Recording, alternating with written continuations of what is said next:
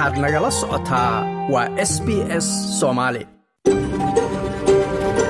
SBS, a world of difference. You're with SBS Somali on mobile, online, and on radio. waxaad nagala socotaan s b s soomaali oo aad ka heli kartaan mobil online iyo rediyoga habeen wanaagsan akhyaarta hawada nagala xidhiidhay. Ku soo dhowaada barnaamijkeenna caawa oo jamco ah labada bisha disembar labada kun iyo labaatan iyo labada. Barnaamijkeennu wuxuu idinkaga imanayaa stuudioga melbourne waxaana idinla socodsiinaya anigoo ah maxamed madar. Barnaamijka caawa waxaad ku maqli doontaan kadib markii denmark ay ka raysay xulka qaranka ee australia sokorus waxa ay haatan diyaar u yihiin inay si adag oo la dagaalamaan ama oo ay uga hortagaan ciyaar adagna ay kala hortagaan. Xulka qaranka waddanka argentiin. Sidoo kaleete dhinaca kaleete fifa ciyaarihii ugu dambeeyey ayaa iyadana sidoo kale aan ini hayna. Australia oo si buuxda looga hirgeliyey in qofku haddii uu nolosha ka quusto ama uu xaalad adag galo uu isagu noloshiisa soo afjari karo. Wararka soomaaliya shir loo qabtay sidii qorsha istaraatiijiyada looga samayn lahaa goobaha al-shabaab laga qabtay ayaa isagu xamar laga qabtay. Haatan qodobadii warka ugu doorka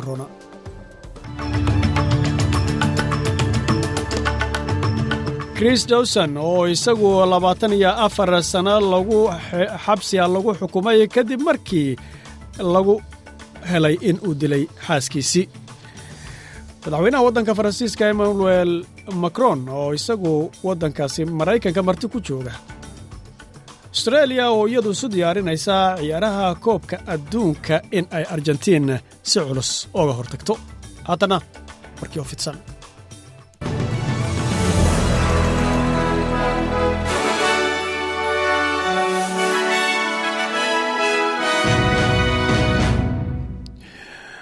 Chris dowson ayaa waxaa lagu xukumay afar iyo labaatan sano oo xabsiya kadib markii lagu helay in haweenaydiisii lenet la odhan jiray inuu dilay.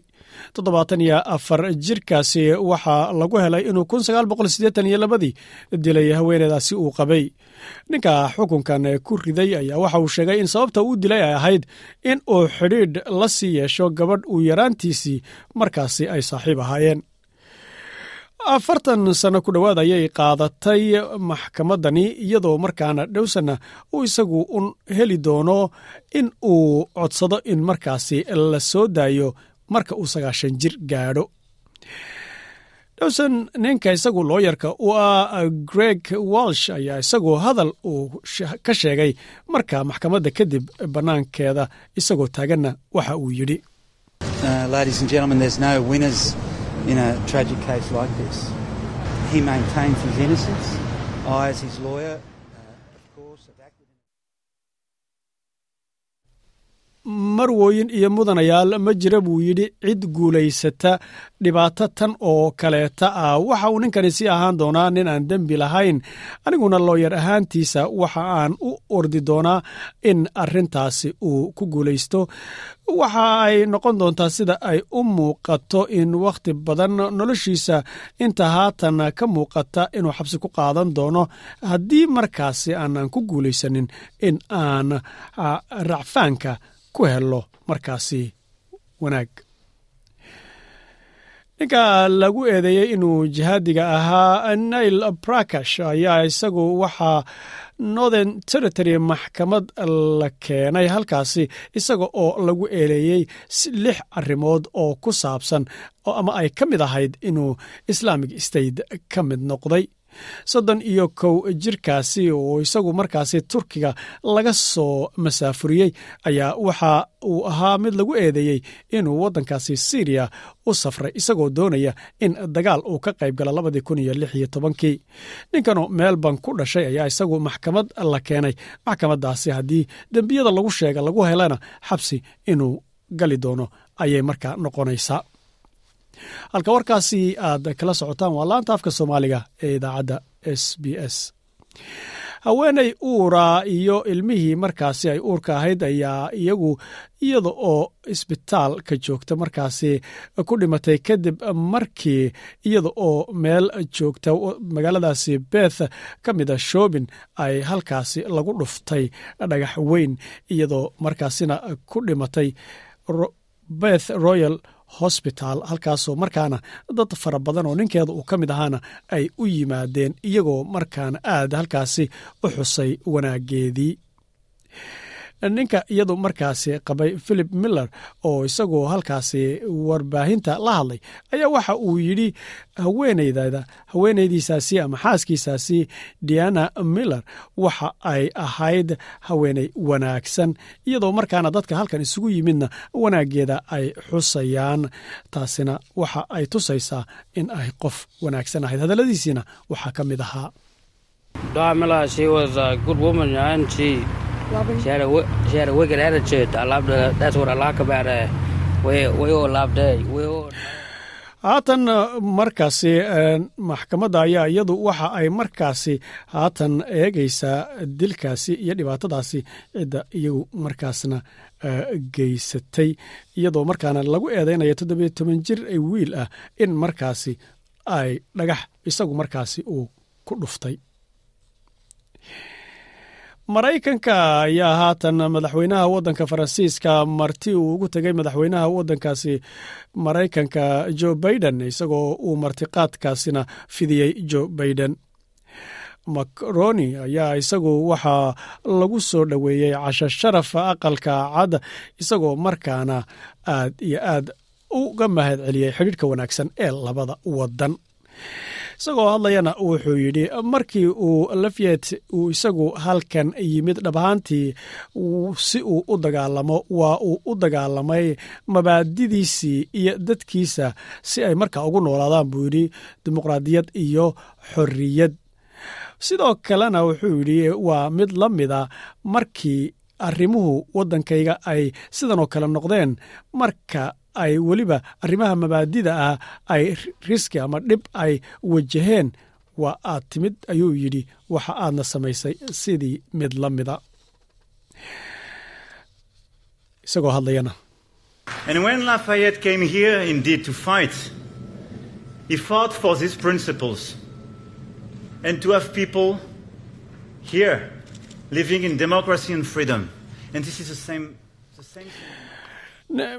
Thing. emmanuel macron ayaa isagu haatan maraykanka booqashadani tii labaad ay tahay tan iyo labadii kun iyo toddobiyo tobankii intii la doortay booqashadan ayaa u muuqata mid iyadu keenaysa xidhiidh wanaag oo maraykanku ay la yeeshaan keliya faransiiska ma ahee bahda reer yurub oo dhan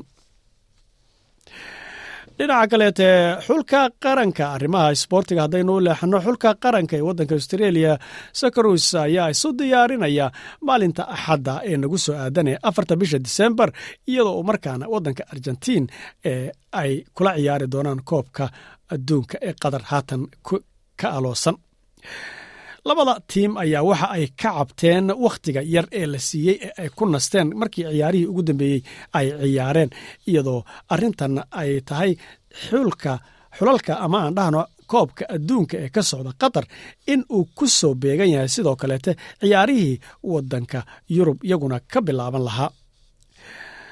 Australia difaaceeda milos dikenek ninka la yidhaahdo ayaa waxa uu isagu sheegay in arrintan ay ahayd in fifa ay aad u dareento isagoo yidhi arrintani waxa ay tahay mid fifa ay loo baahan yahay in ay danayso taasoo annagu aanan ahayn buu yidhi. Dad iyo iyagu robot aha dad ayaan nahay bani aadana waxaan u baahannahay inaan ka soo kabanno daalka iyo wixii nagu dhacay. Mana aan ciyaari karno maalin maalin iyo maalinka ku xiga iyo maalinka ku xigana ma ciyaari karno. Waxaan u baahannahay bareeg ayuu yidhi. Isagoo hadlayana wuxuu yidhi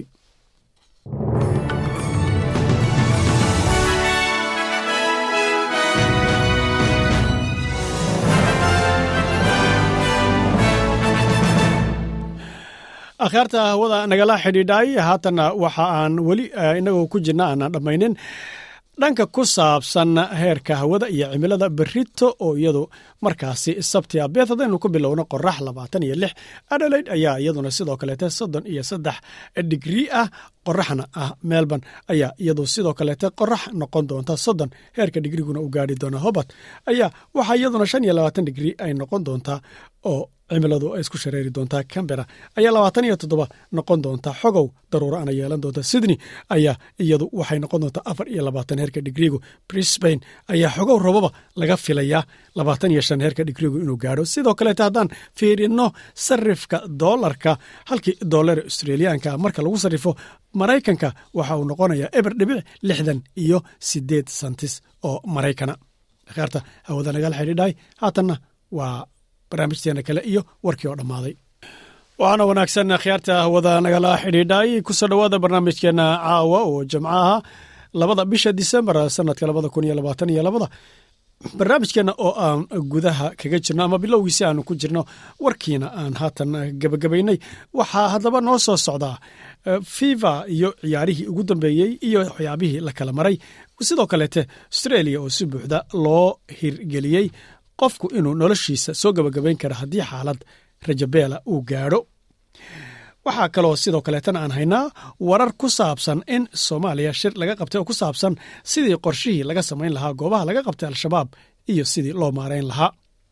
Haatan xulka qaranka ee wadanka australia ayaa khamiistii ka guulaystay xulka qaranka ee wadanka denmark isagoo halkaana u soo gudbay wareegga lix iyo tobanka haatanna waxa uu ballan la leeyahay maalinka axadda ah inuu la dheelo xulka qaranka ee wadanka argentiin. Haatan ku soo dhowow warbixin aan haddaba idinka diyaarinay arrintaas iyadoo xulka qaranka ee sokorusa uu diyaar u yahay in uu argentiin oo messi uu markaasi hogaaminayo in ay sidoo kaleete si aada oga hortagaan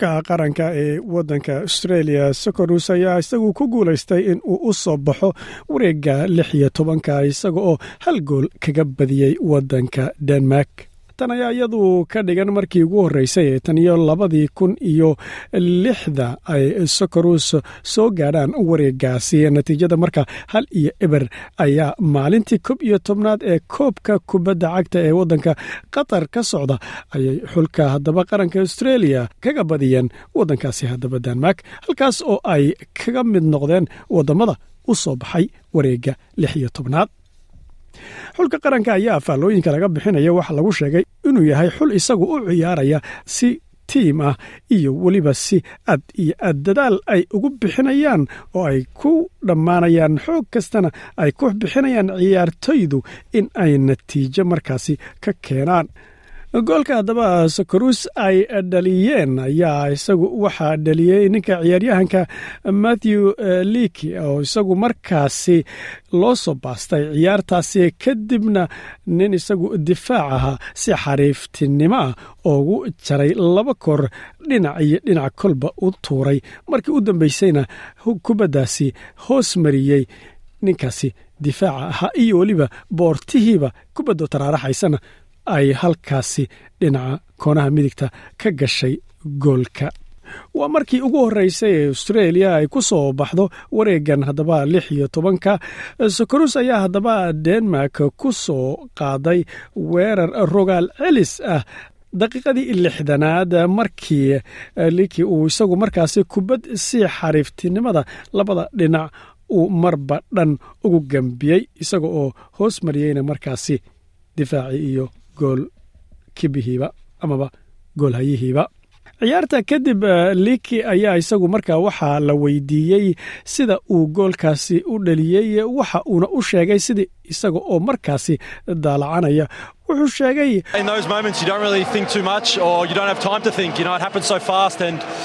Obviously, uh, you know, it was obviously a great ball, and uh, I knew I had one more man to beat. Uh, at first, I wanted to cut in, and then he sort of went that way, and I went back the other way. And yeah, low and hard.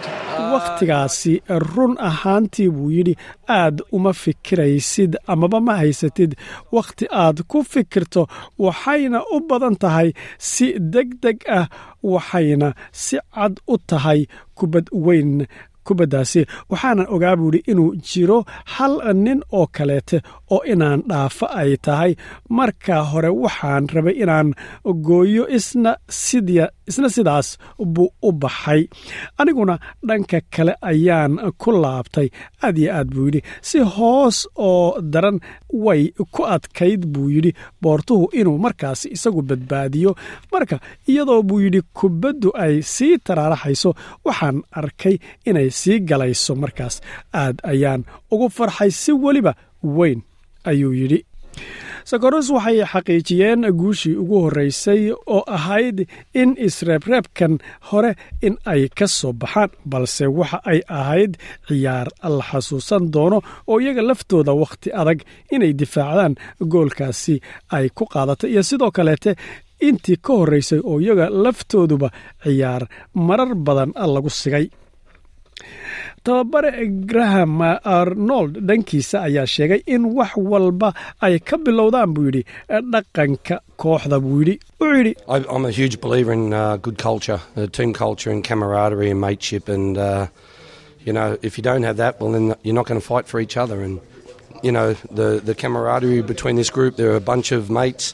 Aad baan u aaminsanahay dhaqanka suuban dhaqanka kooxda iyo saaxiibtinada dhabta ah. Waxaadna og tahay haddii aadan taa haysanin buu yidhi kuma aadi kartid dagaal ah qaarkiin qaarka kale uu u dagaalamayo iyo saaxiibtinimo kooxeed oo la wadaago waa raxan rafiiq ah buu yidhi si adag ayuu midba midka kale ula shaqaynayaa buu yidhi. Midba kan kale dhabarkiisa ayuu ilaalinayaa. Haddiise buu yidhi qof qalad sameeyo waxaa halkaasi jiraya qof kale oo khaladkaasi saxaya.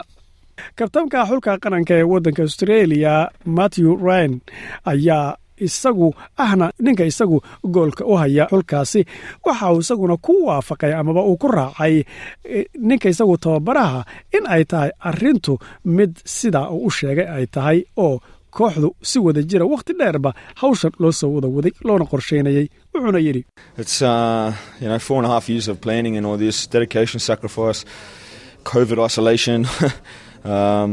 It's you know four and a half years of planning and all this dedication, sacrifice, COVID isolation. you know, staying here in our home away waa from home in afar sano Qatar, iyo and badh you know, oo qorshayn ah iyo dhammaan nafhurid go'doominta covid-ka joogista halkan gurigeenna ka fogay qatar waana inaan adeegsana buu yidhi dhammaan khibradaha yagaasi dhammaan faa'iidooyinka aan heli karnana waan samaynaynaa taas waana dhisaynaa waa dareen weyn ayuu yidhi sakarus ciyaarta xigta ee ay sugayaan axadda waa argentiin. Kadib markii ay laba gool iyo eber kaga badisay waddanka poland si ay ugu soo baxaan kaalinta koowaad ee gruubkooda gruub c taasi waxa ay la macno tahay in ay la ciyaari doonaan waddanka argentiin xulkiisa qaranka oo isagu u wato messi oo isagu ah ninka ugu caansan haatan dunida oo ciyaaryahan xariifa. Markaasi ayna dhici karto inuu xeelado kasta oo ciyaartaasi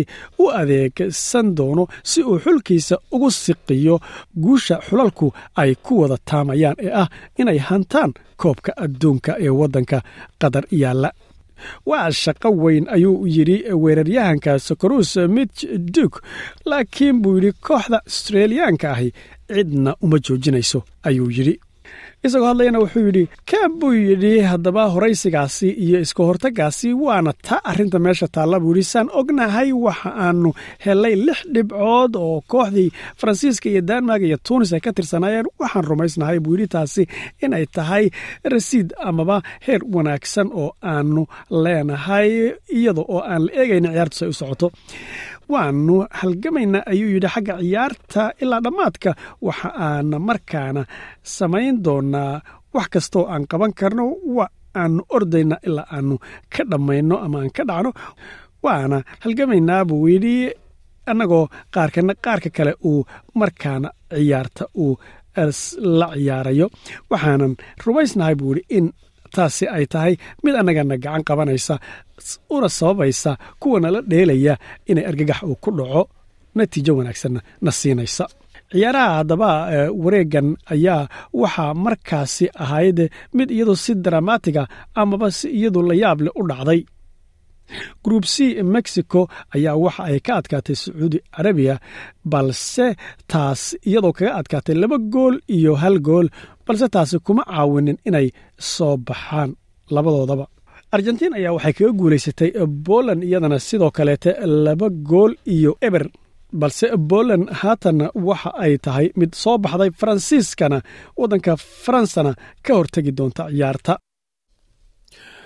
akhyaartaoda nagala xidhiidhay intaasina waxaa noogu idlaatay ciyaartii waddanka australia xulka qaranka iyo sida ay u badiyeen haatanna ay u diyaargaroobayaan waxaa weli noo soo socdaa iyadoo australia si buuxda looga hirgeliyey in qofku uu dooran karo haddii noloshu ay gabaabsi ka gaadho amaba ay xaaladiisu daraato inuu isagu noloshiisa dhammaystiro amaba uu soo gebagabeeyo sidoo kaleete waxaan idiin haynaa wararka oo iyaguna dhanka soomaaliya ka imanaya shir la qabtay si loo qorsheeyo wax laga samaynayo ama qorshayaasha loogu qaabilayo meelaha shabaab laga qabtay. Haatanse waxaad ku soo dhowaataan fifa world cup oo haatan iyadu markaasi maalinkii labiyo tobnaad la ciyaaray. Ciyaarihii haddaba la ciyaaray iyo sidii loo kala badiyey iyo qaarka tegey iyo kuwa soo hadhay iyo sidoo kaleeto waxyaabo kaleeto oo iyaguna muhiimad leh oo ciyaaraha dhexdooda dhacay. Haatan warbixintan aan idiin diyaariyey ku soo dhowaada. Maalinta labiyo tobnaad ee koobka adduunka ee kubadda cagta ee labada kun iyo labaatan iyo labada ee waddanka qatar ka socda ayaa isagu waxa ka dhacay xiisooyin fara badan oo ay ka mid tahay ciyaaraha. Markaasi ay isugu yimaadeen sbain iyo jabaan iyo sidoo kaleete jarmalka iyo costarica iyadoo sidoo kaleetana xulka qaranka ee morocona ay la ciyaareen waddanka kanada waxyaabihii ugu xiisa badnaa ee maanta dhacay waxa ay tahay in libaaxiyada atlas oo xulka qaranka ee morocco loo yaqaano ay markii labaad u soo gudbeen wareegga lixiyo tobnaad ee taariikhdooda iyadoo markaasina ay dabaaldegyo ka dhaceen waddanka morocco iyo sidoo kaleetana goobta ciyaaruhu ay ka dhaceen ee waddanka qatar morocco ayaa iyadu waxa ay ku guulaysatay in ay u soo baxdo wareegga lixiyo tobnaad kadib markii ay laba hal ay kaga guulaysatay waddanka canada iyadoo lagu ciyaarayay stadiumka thamama la yidhaahdo natiijadaas oo markaana ay ku hanteen hogaaminta kooxda lixaad markaasi iyagoo kaga hormaray krowatiya xulka qaranka ee morocco ayaa isagu haatan waxa uu la ciyaari doonaa waddanka sbain wareega haatan la sugayo iyadoo markaana krowatiyana ay jabaan ku aadi doonto kadib guushii ugu horreysay ee xulka qaranka ee waddanka jabaan uu jarmalka kaga guulaystay haatanna markii labaad ayuu wuxuu sidoo kaletana sbeniya natiijad laba hal ah uu kaga guulaystay xulka qaranka ee waddanka sbain guushaasi ayaa waxa ay siisay inay hogaamiyaan gruubka shanaad halkaasoo xulka qaranka sbainna isaguna uu nambarka labaad qabsaday natiijadan ayaa iyadu haddaba waxa ay dheeraysay xulka qaranka ee jarmalka oo ka bixisay ciyaaraha. Kadib markii xataa guushii costarica ay kaga guulayseen adkayd ay anfici weyday afar labada ahayd. Dhinaca kale ciyaaraha ayaan weli ku jirnaaye boqorka dalka qatar sheekh tamiim bin xamed al ayaa isagu waxa uu u dabaaldegay oo sawiro iyo sidoo kale videoba laga soo duubay guushii xulka qaranka ee waddanka morocco ee kubadda koobka adduunka ee kubadda cagta ee waddankiisa ka dhacaya iyadoo laga soo duubay video iyadoo sheekh tamiim uu isagu kor u qaadayo calamka waddanka morocco halkaasna si xamaasada looga arkayey goobta uu markaasi ka daawanayay kubadda iyadoo dadka jamaahiirta ee joogay ciyaarta ee stadiumka thamamana ay aad u dabaaldegeen dhinaca kaleeta isla boqorka qatar ayaynu ku jirnaaye arda madarase dhigta ama dugsi sare oo magaciisa balaadu shuhadaa la yidhaahdo ayaa waxa ay sharaf u heleen in boqorku uu ku martigeliyey inay ka soo qayb galaan ciyaaraha adduunka ee waddanka qatar ka dhacaya. Ardadaasi oo iyagu waddanka kuweydna ka yimid. Sababtuna waa iyaga oo laga soo duubay fidiyoyo iyo sawiro iyagoo u dabaaldegay in koobka adduunka ee kubadda cagta lagu qabtay waddanka qatar oo ay ku tilmaameen in ay arrintaasi sharaf u tahay carabta. Ardadaasi ayaa si gaara markii arrintaasi boqorka uu ka war helay waxa uu martigelin u siiyey si ay hadiyad ugu noqoto uguna noqotona shukri amaba mahadcelin sida ay arrintaasi iyaguna u soo dhoweeyeen iyagoo halkaasina ay soo gaadheen. Wafdidii hogaaminaysay ardadaasi iyo ardadiiba laftoodiiba. Dhinaca kale dhanka taariikhda weeraryahanka xulka qaranka ee urugway waxa uu isagu markaasi diiday ninka la yidhaahdo luis suarez waxa uu diiday in uu wax cudurdaara ka bixiyo. Ciyaartii hadda ka hor labadii kun iyo tobankii koobka adduunka ciyaarihii lagu qabanayay koonfur africa uu isagu gacanta kaga celiyey kubad markaasi ka dhalan lahayd goolkibihiisa isagoo markaana daqiiqadii u dambeysay ay ahayd oo labada xulka qaranka ee waddanka gaana iyo xulka qaranka ee waddankiisa uu markaasi halkaasi ay isku hayeen suwarez oo isagu xulka qaranka ee urugway weerar u ah ayaa kubaddaasi markaasi gacanta ku celiyey kadibna kaar casaana la siiyey ciyaartana laga bixiyey halkaasna rikoodho la dhigay iyadoo nasiib darro xulkii qaranka ee waddanka gaana rikoodhahana ay dhalin waayeen oo birta uu ku dhuftay ninkii laadayey mar wax laga weydiiyey arrintaasi ayaa isagu uu diiday inuu wax cudurdaara ka bixiyo ninkaasi suwarez la yidhaahdo isagoo ku marmarsooday amaba ku marmarsiye ka dhigtay in isagu khaladka uu sameeyey lagu ciqaabay oo kaar la siiyey uuna ka baxay ciyaartii. Balse kubadda markii loo dhigay rikoodhada isagu uusan ka celinine uu la waayey oo birta uu ku dhuftay ninkii iyaga u laaday. Taasina wax dembiya aniga dusha ayna iga saarnayn dhinaca kaleete isla dhanka taariikhda gabdhaha iyagu markaasi ama haweenka iyagoo xakamyada noqonaya ama xakamaadka noqonaya ayaa iyagu loo ololeeyey inay sanadkan ka qayb galaan oo ay ka qayb galaan in ay maamulaan ama ay maamusaan ciyaarahaasi haddaba waxaa taariikhda ku gashay gabadha faransiiska u dhalatay stefani frabat la yidhaahdo ciyaartii jarmalka iyo kostarika ay maalinkii khamiista ah eena dhaaftay ay dheeleen ee kowda disembar ahayd ayaa marka ay gabadhaas iyadu ay firimbiga u haysay kooxdaasi ama labadaasi kooxood ee xulka xulalka qaranka ee iswajahayey dhinaca kaleetana waxaa calanwado u ahaa oo saaciidaynayey gabadha baraaziliyadda ee la yidhaahdo nuweza bak iyo gabadha kale meksikiyadda ahaa ee la yidhaahdo diaz madina dhinaca kale ee tababarayaalka iyagu markaasi shaqadooda ay ku dhammaatay ciyaarihii markii laga reeyey ayaa waxaa ka mida ninka isagu xulka qaranka ee mexik markaasi hogaaminayey oo isagu argentiin u dhashay la yidhaahdo khayrado martino isagoo isagu iska casilay tababarkaasi xulka qaranka ee magsib kadib saacado markii xulkaasi uu ka baxay ciyaarihii kadib isagoo weliba ka guulaystay sacuudiga laba eber oo taasina aynan waxba u tarin. Dhinaca kaleete dhinaca kaleete iyadana xulka qaranka ee waddanka biljamka tababarihiisa oo isagu ninkaasi sbain u dhashay oo roberto martinez la yidhaahdo ayaa isaguna sidoo kale iska casilay si deg dega kadib markii xulkaasi uu ka baxay markaasi ciyaaraha dhanka kaleete ninka isaguna xulka qaranka ee watay iiraan ee tababaraha u ahaa ayaa isaguna sidoo kaleete ahaa ninkii ugu horreeyey ee isagu tababaranimadaasi iska casilay kadib markii kooxdaasi ay noqotay kooxihii ugu horreeyey ee ka baxa ciyaaraha koobka adduunka ee sanadkan akhirta waa nagala xidhiidhay. Intaasna waxaa noogu dhan ciyaarihii world kaabka ee fifa ee waddanka qatar ka socday. Waxyaabihii ugu dambeeyey iyadoo ay noo soo socdaan barnaamij kaleete haatan qadar yaro xaysiisa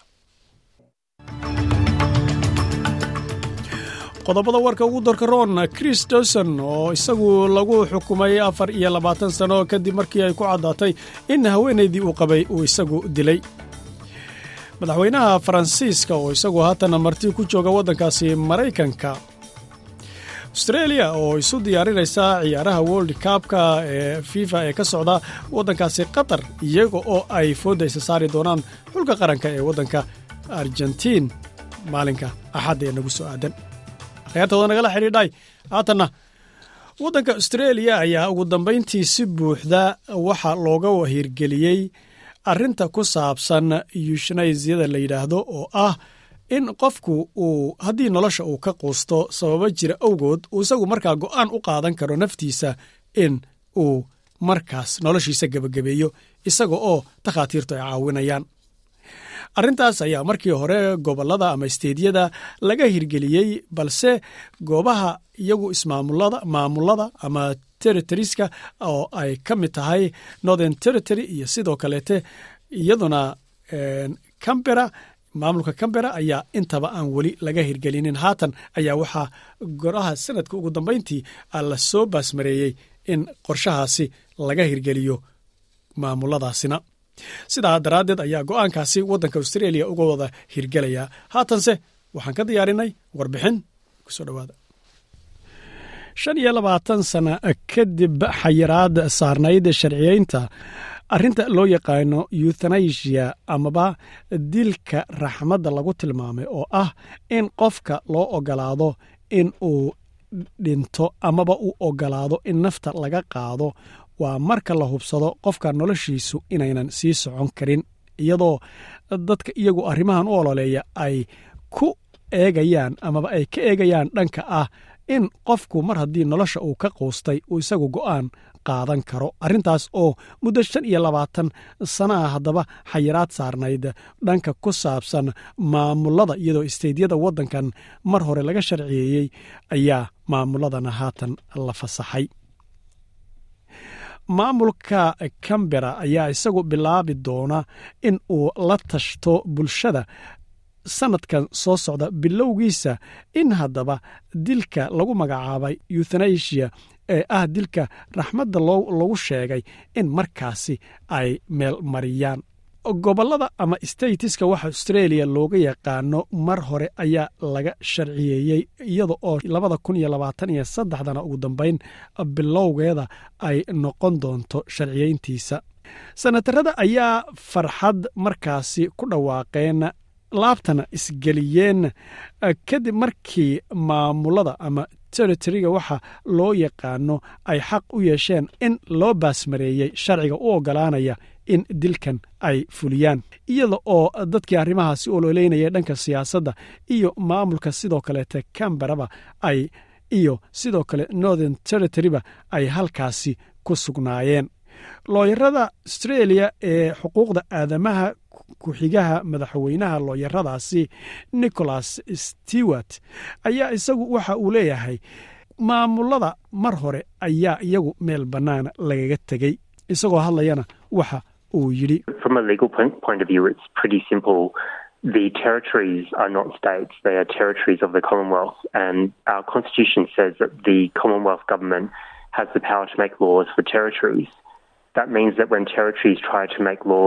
Marka laga eega buu yidhi dhanka qaanuunka iyo arrimaha sharciga arrintu way fududahay. Maamuladu ma aha gobollada macnaheeda territorisku ma ay aha statiska waa maamullo oo iyagu commonwealthiga ama dowladda federaalka hoos yimaada. Sida sharcigeenna uu dhigayana dowladda commonwealthigu ayaa awood u leh in ay sharci ka samayso ama ay sharci ka dejiso maamulada. Taasi waxa ay ka dhigan tahay markii ay isku dayaan maamuladu in ay sharci sameeyaan kaasoo aan la jaan qaadaynin sida dowladda federaalkuhu ee wakhtigaasi jirta ay ogashahay markaasi dowladda federaalka ee wakhtigaasi jirta sharci ayay u leedahay in ay markaasi sharcigaasi ay iyadu istaajiso taasina waa waxa aan arkaynay shan iyo labaatan sano oo na dhaaftay.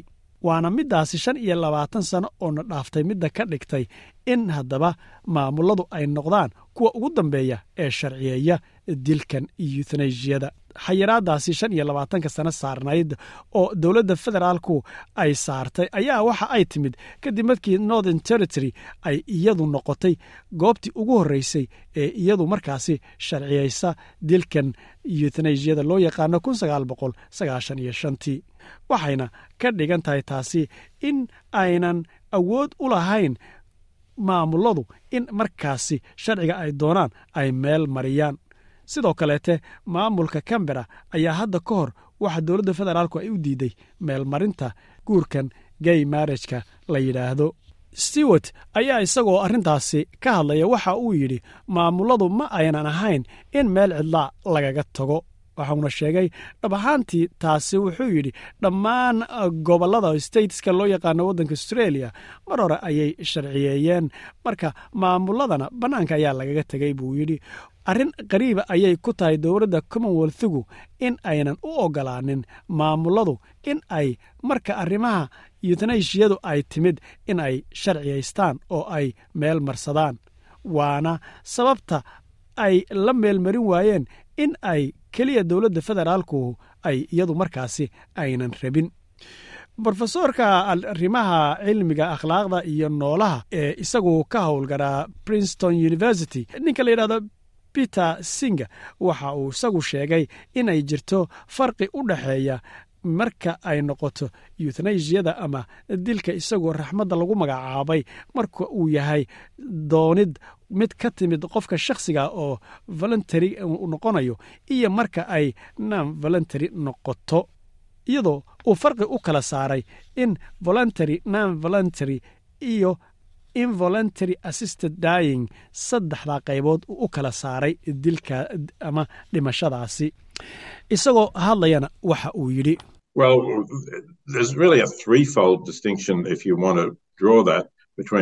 voluntary, non-voluntary, and involuntary. sax weeyuu yidhi waxaa jira assisted saddex kala bixinood amaba kala qaybin haddii aad markaasi doonto in aad kala qaybiso waxa uu yahay buu yidhi mid isagu iska u doonida iyo mid sidoo kaleete aan isagu doonid ayna ku jirin iyo mid isagu aanba lagaba hadlinba wanaagsan wuxuu yidhi dhab ahaantii waxaa jira saddex eh, qaybood haddii aad doonayso markaasi inaad arintaasi kala qaybiso oo ay noqonayso mid voluntary layidhaahdo iyo mid non voluntary layidhaahdo iyo sidoo kaleete involuntary midka saddexaad oo la yidhaahdo. Marka wuxuu yidhi kan voluntary eutanasiada la yidhaahdo amaba voluntary assisted dying kan la yidhaahdo waa midka isagu aanu ka hadlayna ee sharciyeynta australiana ay khusaysee waa midka markaasi ay sidoo kaleete gobolladuna ay horey u sharciyaysteene waa arrin markaasi ogolaansho la og yahay uu sameeyey qofka isagu markaasi noloshiisu ay tahay midda laga hadlayo.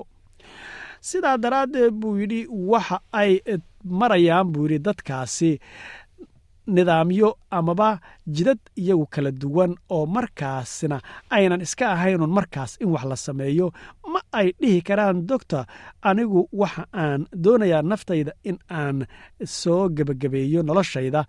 Dokhtarkuna markaasi uu uun iska siinayo markaasi dawadii ay isku dili lahaayeen waxa ay tahay in ay horta ogolaansho sameeyaan kadibna ay sugaan maalmo markaasi iyaga oo dib haddana wakhti kaleete arrintan u soo celinaya. Marka qaarkoodna ay tahay in ay takhtar labaad ay imtixaan iyo qiyaas ay u maraan iyo eegid. Sidaa daraaddeed ma ay aha mid iyadu sidaa iskaga dhammaanaysa.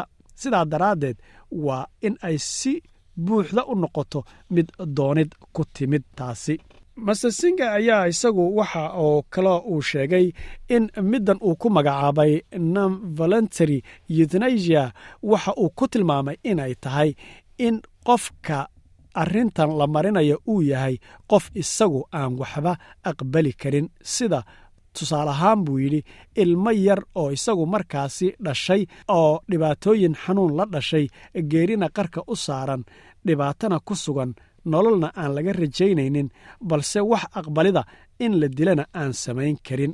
Waxaa kaloo midda kale ee uu ku magacaabay midda involuntriga ah waxa uu ku magacaabay mid aan cidiba ka laga hadal inay tahay oo cidima ayna isweydiinin oo qofka markaa la iska dilo taasina weligeed lagamana hadlin lagamana doodin ayuu yidhi. New south wales ayaa ahayd new south wales ayaa waxay ahayd gobolkii ama statekii isagu aqbalaadda yuthnaishiyada oo ugu dambeeyey sharciyaynteedii oo bishii mey ee sanadkan labada iyo iyo ay markaasi sharciyaysay kheerta hawada nagala xidhiidhay. Intaasna waxaa noogu dhammaatay barnaamijka yushnaisiyada oo isagu yuthnaisiyada oo isagu markaasi ah. Barnaamij dadka haddii qofku uu markaasi nolosha ka quusto uu isdili karo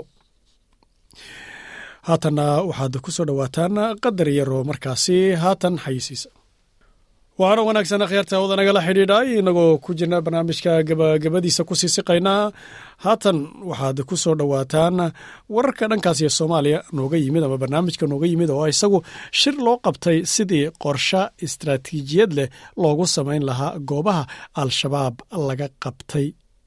Shirkaas oo isagu ra'iisul wasaare ku-xigeenku isagu ka hadlay ayaa barnaamijkaasi waxaa noo soo diray wariyaheenna muqdisho zaciimka ku soo dhowaada. Ra'iisul wasaare ku-xigeenka xukuumadda federaalk ah ee soomaaliya saalax axmed jaamac ayaa dah furay shir lagu soo bandhigayey istaraatiijiyadda qaran ee xasiloonnida deegaanada laga xureeyey xarakada shabaabka oo ay ka soo qayb galeen wakiilada beesha caalamka ee soomaaliya.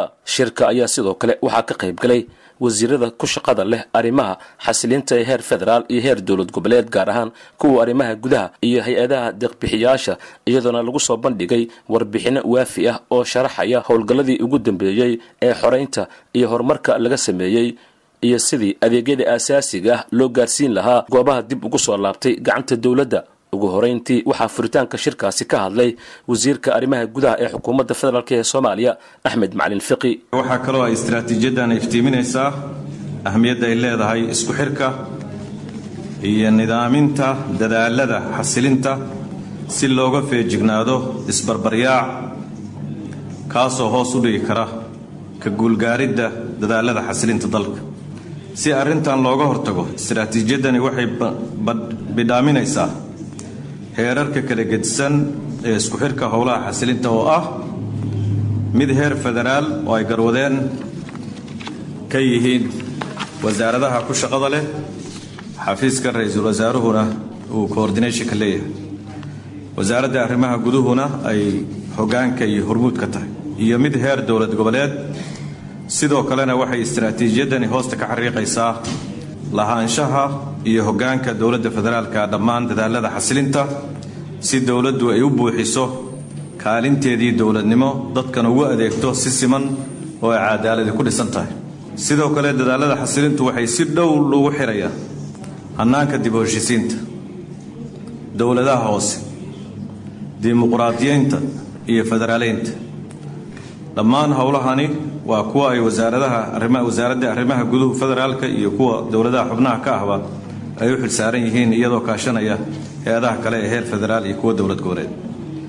Waxaan jeclahay mar kale inaan bogaadiyo madaxda kala duwan ee halkan ka soo qayb gashay iyo saaxiibbada caalamka oo runtii arrintaani aan looga maarmin fulinteeda shaqo badan oo dalkan ka soo socotay tobankii sanoo la soo dhaafayna qayb lixaad leh ka soo qaatay haddana aan rajaynayno in ay ajandaha cusub ee xukuumadda dan qaran oo ajanduhu ka ballaaran kii hore inay wax badan ahmiyadda aan siinayno oo kale iyo coordinationka ay soo sameeyeen hay'adaha dowladdu mid la mid ah in beesha caalamka iyo deeqbixiyaashuba laga heli doono. Wasiirka arrimaha gudaha ee maamulka hirshabelle oo ku hadlayey afka wasiirada arrimaha gudaha ee maamul goboleedyada dalka ee uu ka socdo dagaalka ka dhanka xarakada shabaab ayaa ka warbixiyey halka ay marayaan dhaqdhaqaaqyadii ugu dambeeyey iyo dagaalada looga horjeedo al-shabaab ee ka dhacay deegaanada maamulada dalka gaar ahaan midka hirshabelle isagoona madaxda ka qayb gashay shirkaasi ka codsaday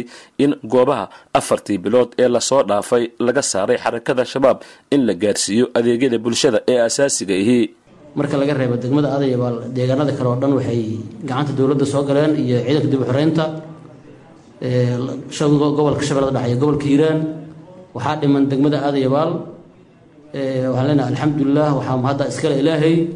Waxaa taageerayaasheena iyo dowladdeena federaalkana waxaan ka mad mahad celinaynaa garab istaagga sidoo kale waxaan ugu baaqaynaa dowladaha xubnaha dowladda federaalkana inay sidaasoo kale ayaguna ay dadaalka u sameeyaan. Dowladda hirshabeelle waxay ku guuleysatay abaabul bulsho oo dadka iyo shabaabka la kala jaray waxaa kaalinta ugu weyn ka qaatay kicinta bulshada waxaa xoreeyey deegaanadaas kacdoon bulsho oo waqti dheer afartii bilood oo ugu dambeysay ay socday. Waxaa noo suurto gashay matabaan iyo inta udhexayso jalalaqsi oo hal leynkaas ah inay gacanta dowladda soo galaan. Waxaa noo suurto gashay ruunurgood iyo inta udhexaysa cadala inay gacanta soo galaan sidoo kale waxaan rabnaa saacadaha soo socda inaan aadayabaal aan kacdoon bulsho iyo ciidamada qalabka sido iyo ciidanka deegaanka aan ku qabanno. Meel fiican waxaa maraya abaabulka bulshada meel fiican waxaa maraya isku xirka bulshada iyo ciidamada. Meel fiicanna waxaa maraya insha allahu garab istaagga dowladda federaalka ay noo sameyso iyo ciidamadan sne iyo saraakiisha xoogga dalka soomaaliyeed. Sidoo kale deegaanada isteedyada dariskeenana waxaa ka socda howlgalla sida galmudug ayagana meel fiican maraayo oo warqabtaan annaga ka wasiir guud ahaan waxaan ka shaqeynaa maamulada iyo stabilitationka waxaan meelihii la xoreeyey in badan aan ka shaqeynay inay dadka bulshada wax loo qabto. Waxaan rabnaa maanta in fadhigaana mataqaanaa cid walba oo ka soo qayb gashay ay dhulka la xoreeyo oo afarta bilood oo ugu dambeysay gacanta ku jiro inaan wax laga qabto. Hirshabeelle iyo galmudug iyo south west intaba iyo jubbaland waa wada joognaa. Ra'iisul wasaare ku-xigeenka xukuumadda federaalk ee soomaaliya saalax axmed jaamac oo ugu dambeyntii halkaasi ka hadlay ayaa madasha ka xusay muhiimadda ay leedahay in gacan gargaar lala gaaro dadka soomaaliyeed ee muddo ku sugnaa deegaanada laga xoreeyey xarakada shabaab islamarkaana loo baahan yahay in layska kaashado fulinta qorshaha ballaaran ee xasilinta. Ra'iisul wasaare ku-xigeenka ayaa dhaliilay dadka ka soo horjeeda howlgallada iyo dagaalada ka dhanka xarakada shabaab ee iminka ka socda qeybo ka mida dalka isagoona hoosta ka xariiqay in soomaalidu iyagu ay isu gurmanayaan sida uu yidhi. Qofba waxbuu u yaqaanaa gobonnimada iyo stabilizationka anna waxaan u aqaanaa maalinka aynu qolyahan walaalaheena caalamka ka kala yima ina taageeraya aynu fasaxno oo inta aynu raacno aynu dal kaloo inaga ayaan daran u soo wada gurmanno maalinkaasaan anna u aqaana oo la yidhaahdo war soomaalida stabilizationka iyo halganka wax ka soo qabatee bal ha la waraysto. Hadda xaajo ugubana maahee ayaamo fog ma ay ahayn markii soomaalidu ay mozambique iyo meesha la yidhaahdo south africa iyo maxaa uganda iyo tanzania u garnaqaysay ay nabaddooda ka shaqaynaysay. Ayaamo fog may ahayn. Soomaalida hadda la leeyahay cadowga ha iska kiciyaanna waa soomaalida iyagoo bilaa dowladda jaamacadaha aad aragteen ee hoggaanka hadda halkan fadhiya soo saaray samaystay. Waa soomaalida markay dhoftana adduunka rabta inay ama madaxweyne ka noqoto ama wasiirka soo qaadatay iyo senator. Maxaan saa u leeyahay waxaa marmar badan dhegahaaga ku soo dhacaya qolyo odhanaya dagaalkii looma diyaarsanaa inuu dagaalkan armaan lagu degdegay. War dagaalkana armaanu sax ahayn. Waa dad yar yar yar oo kooban. Qolo waaba al-shabaab iyagu qolyaha saale oo raba dagaalkii inaan la gelin. Laakiin dad kalea marmar waxaad mooddaa inay mugdi gelinayaan halganka lagu jiro.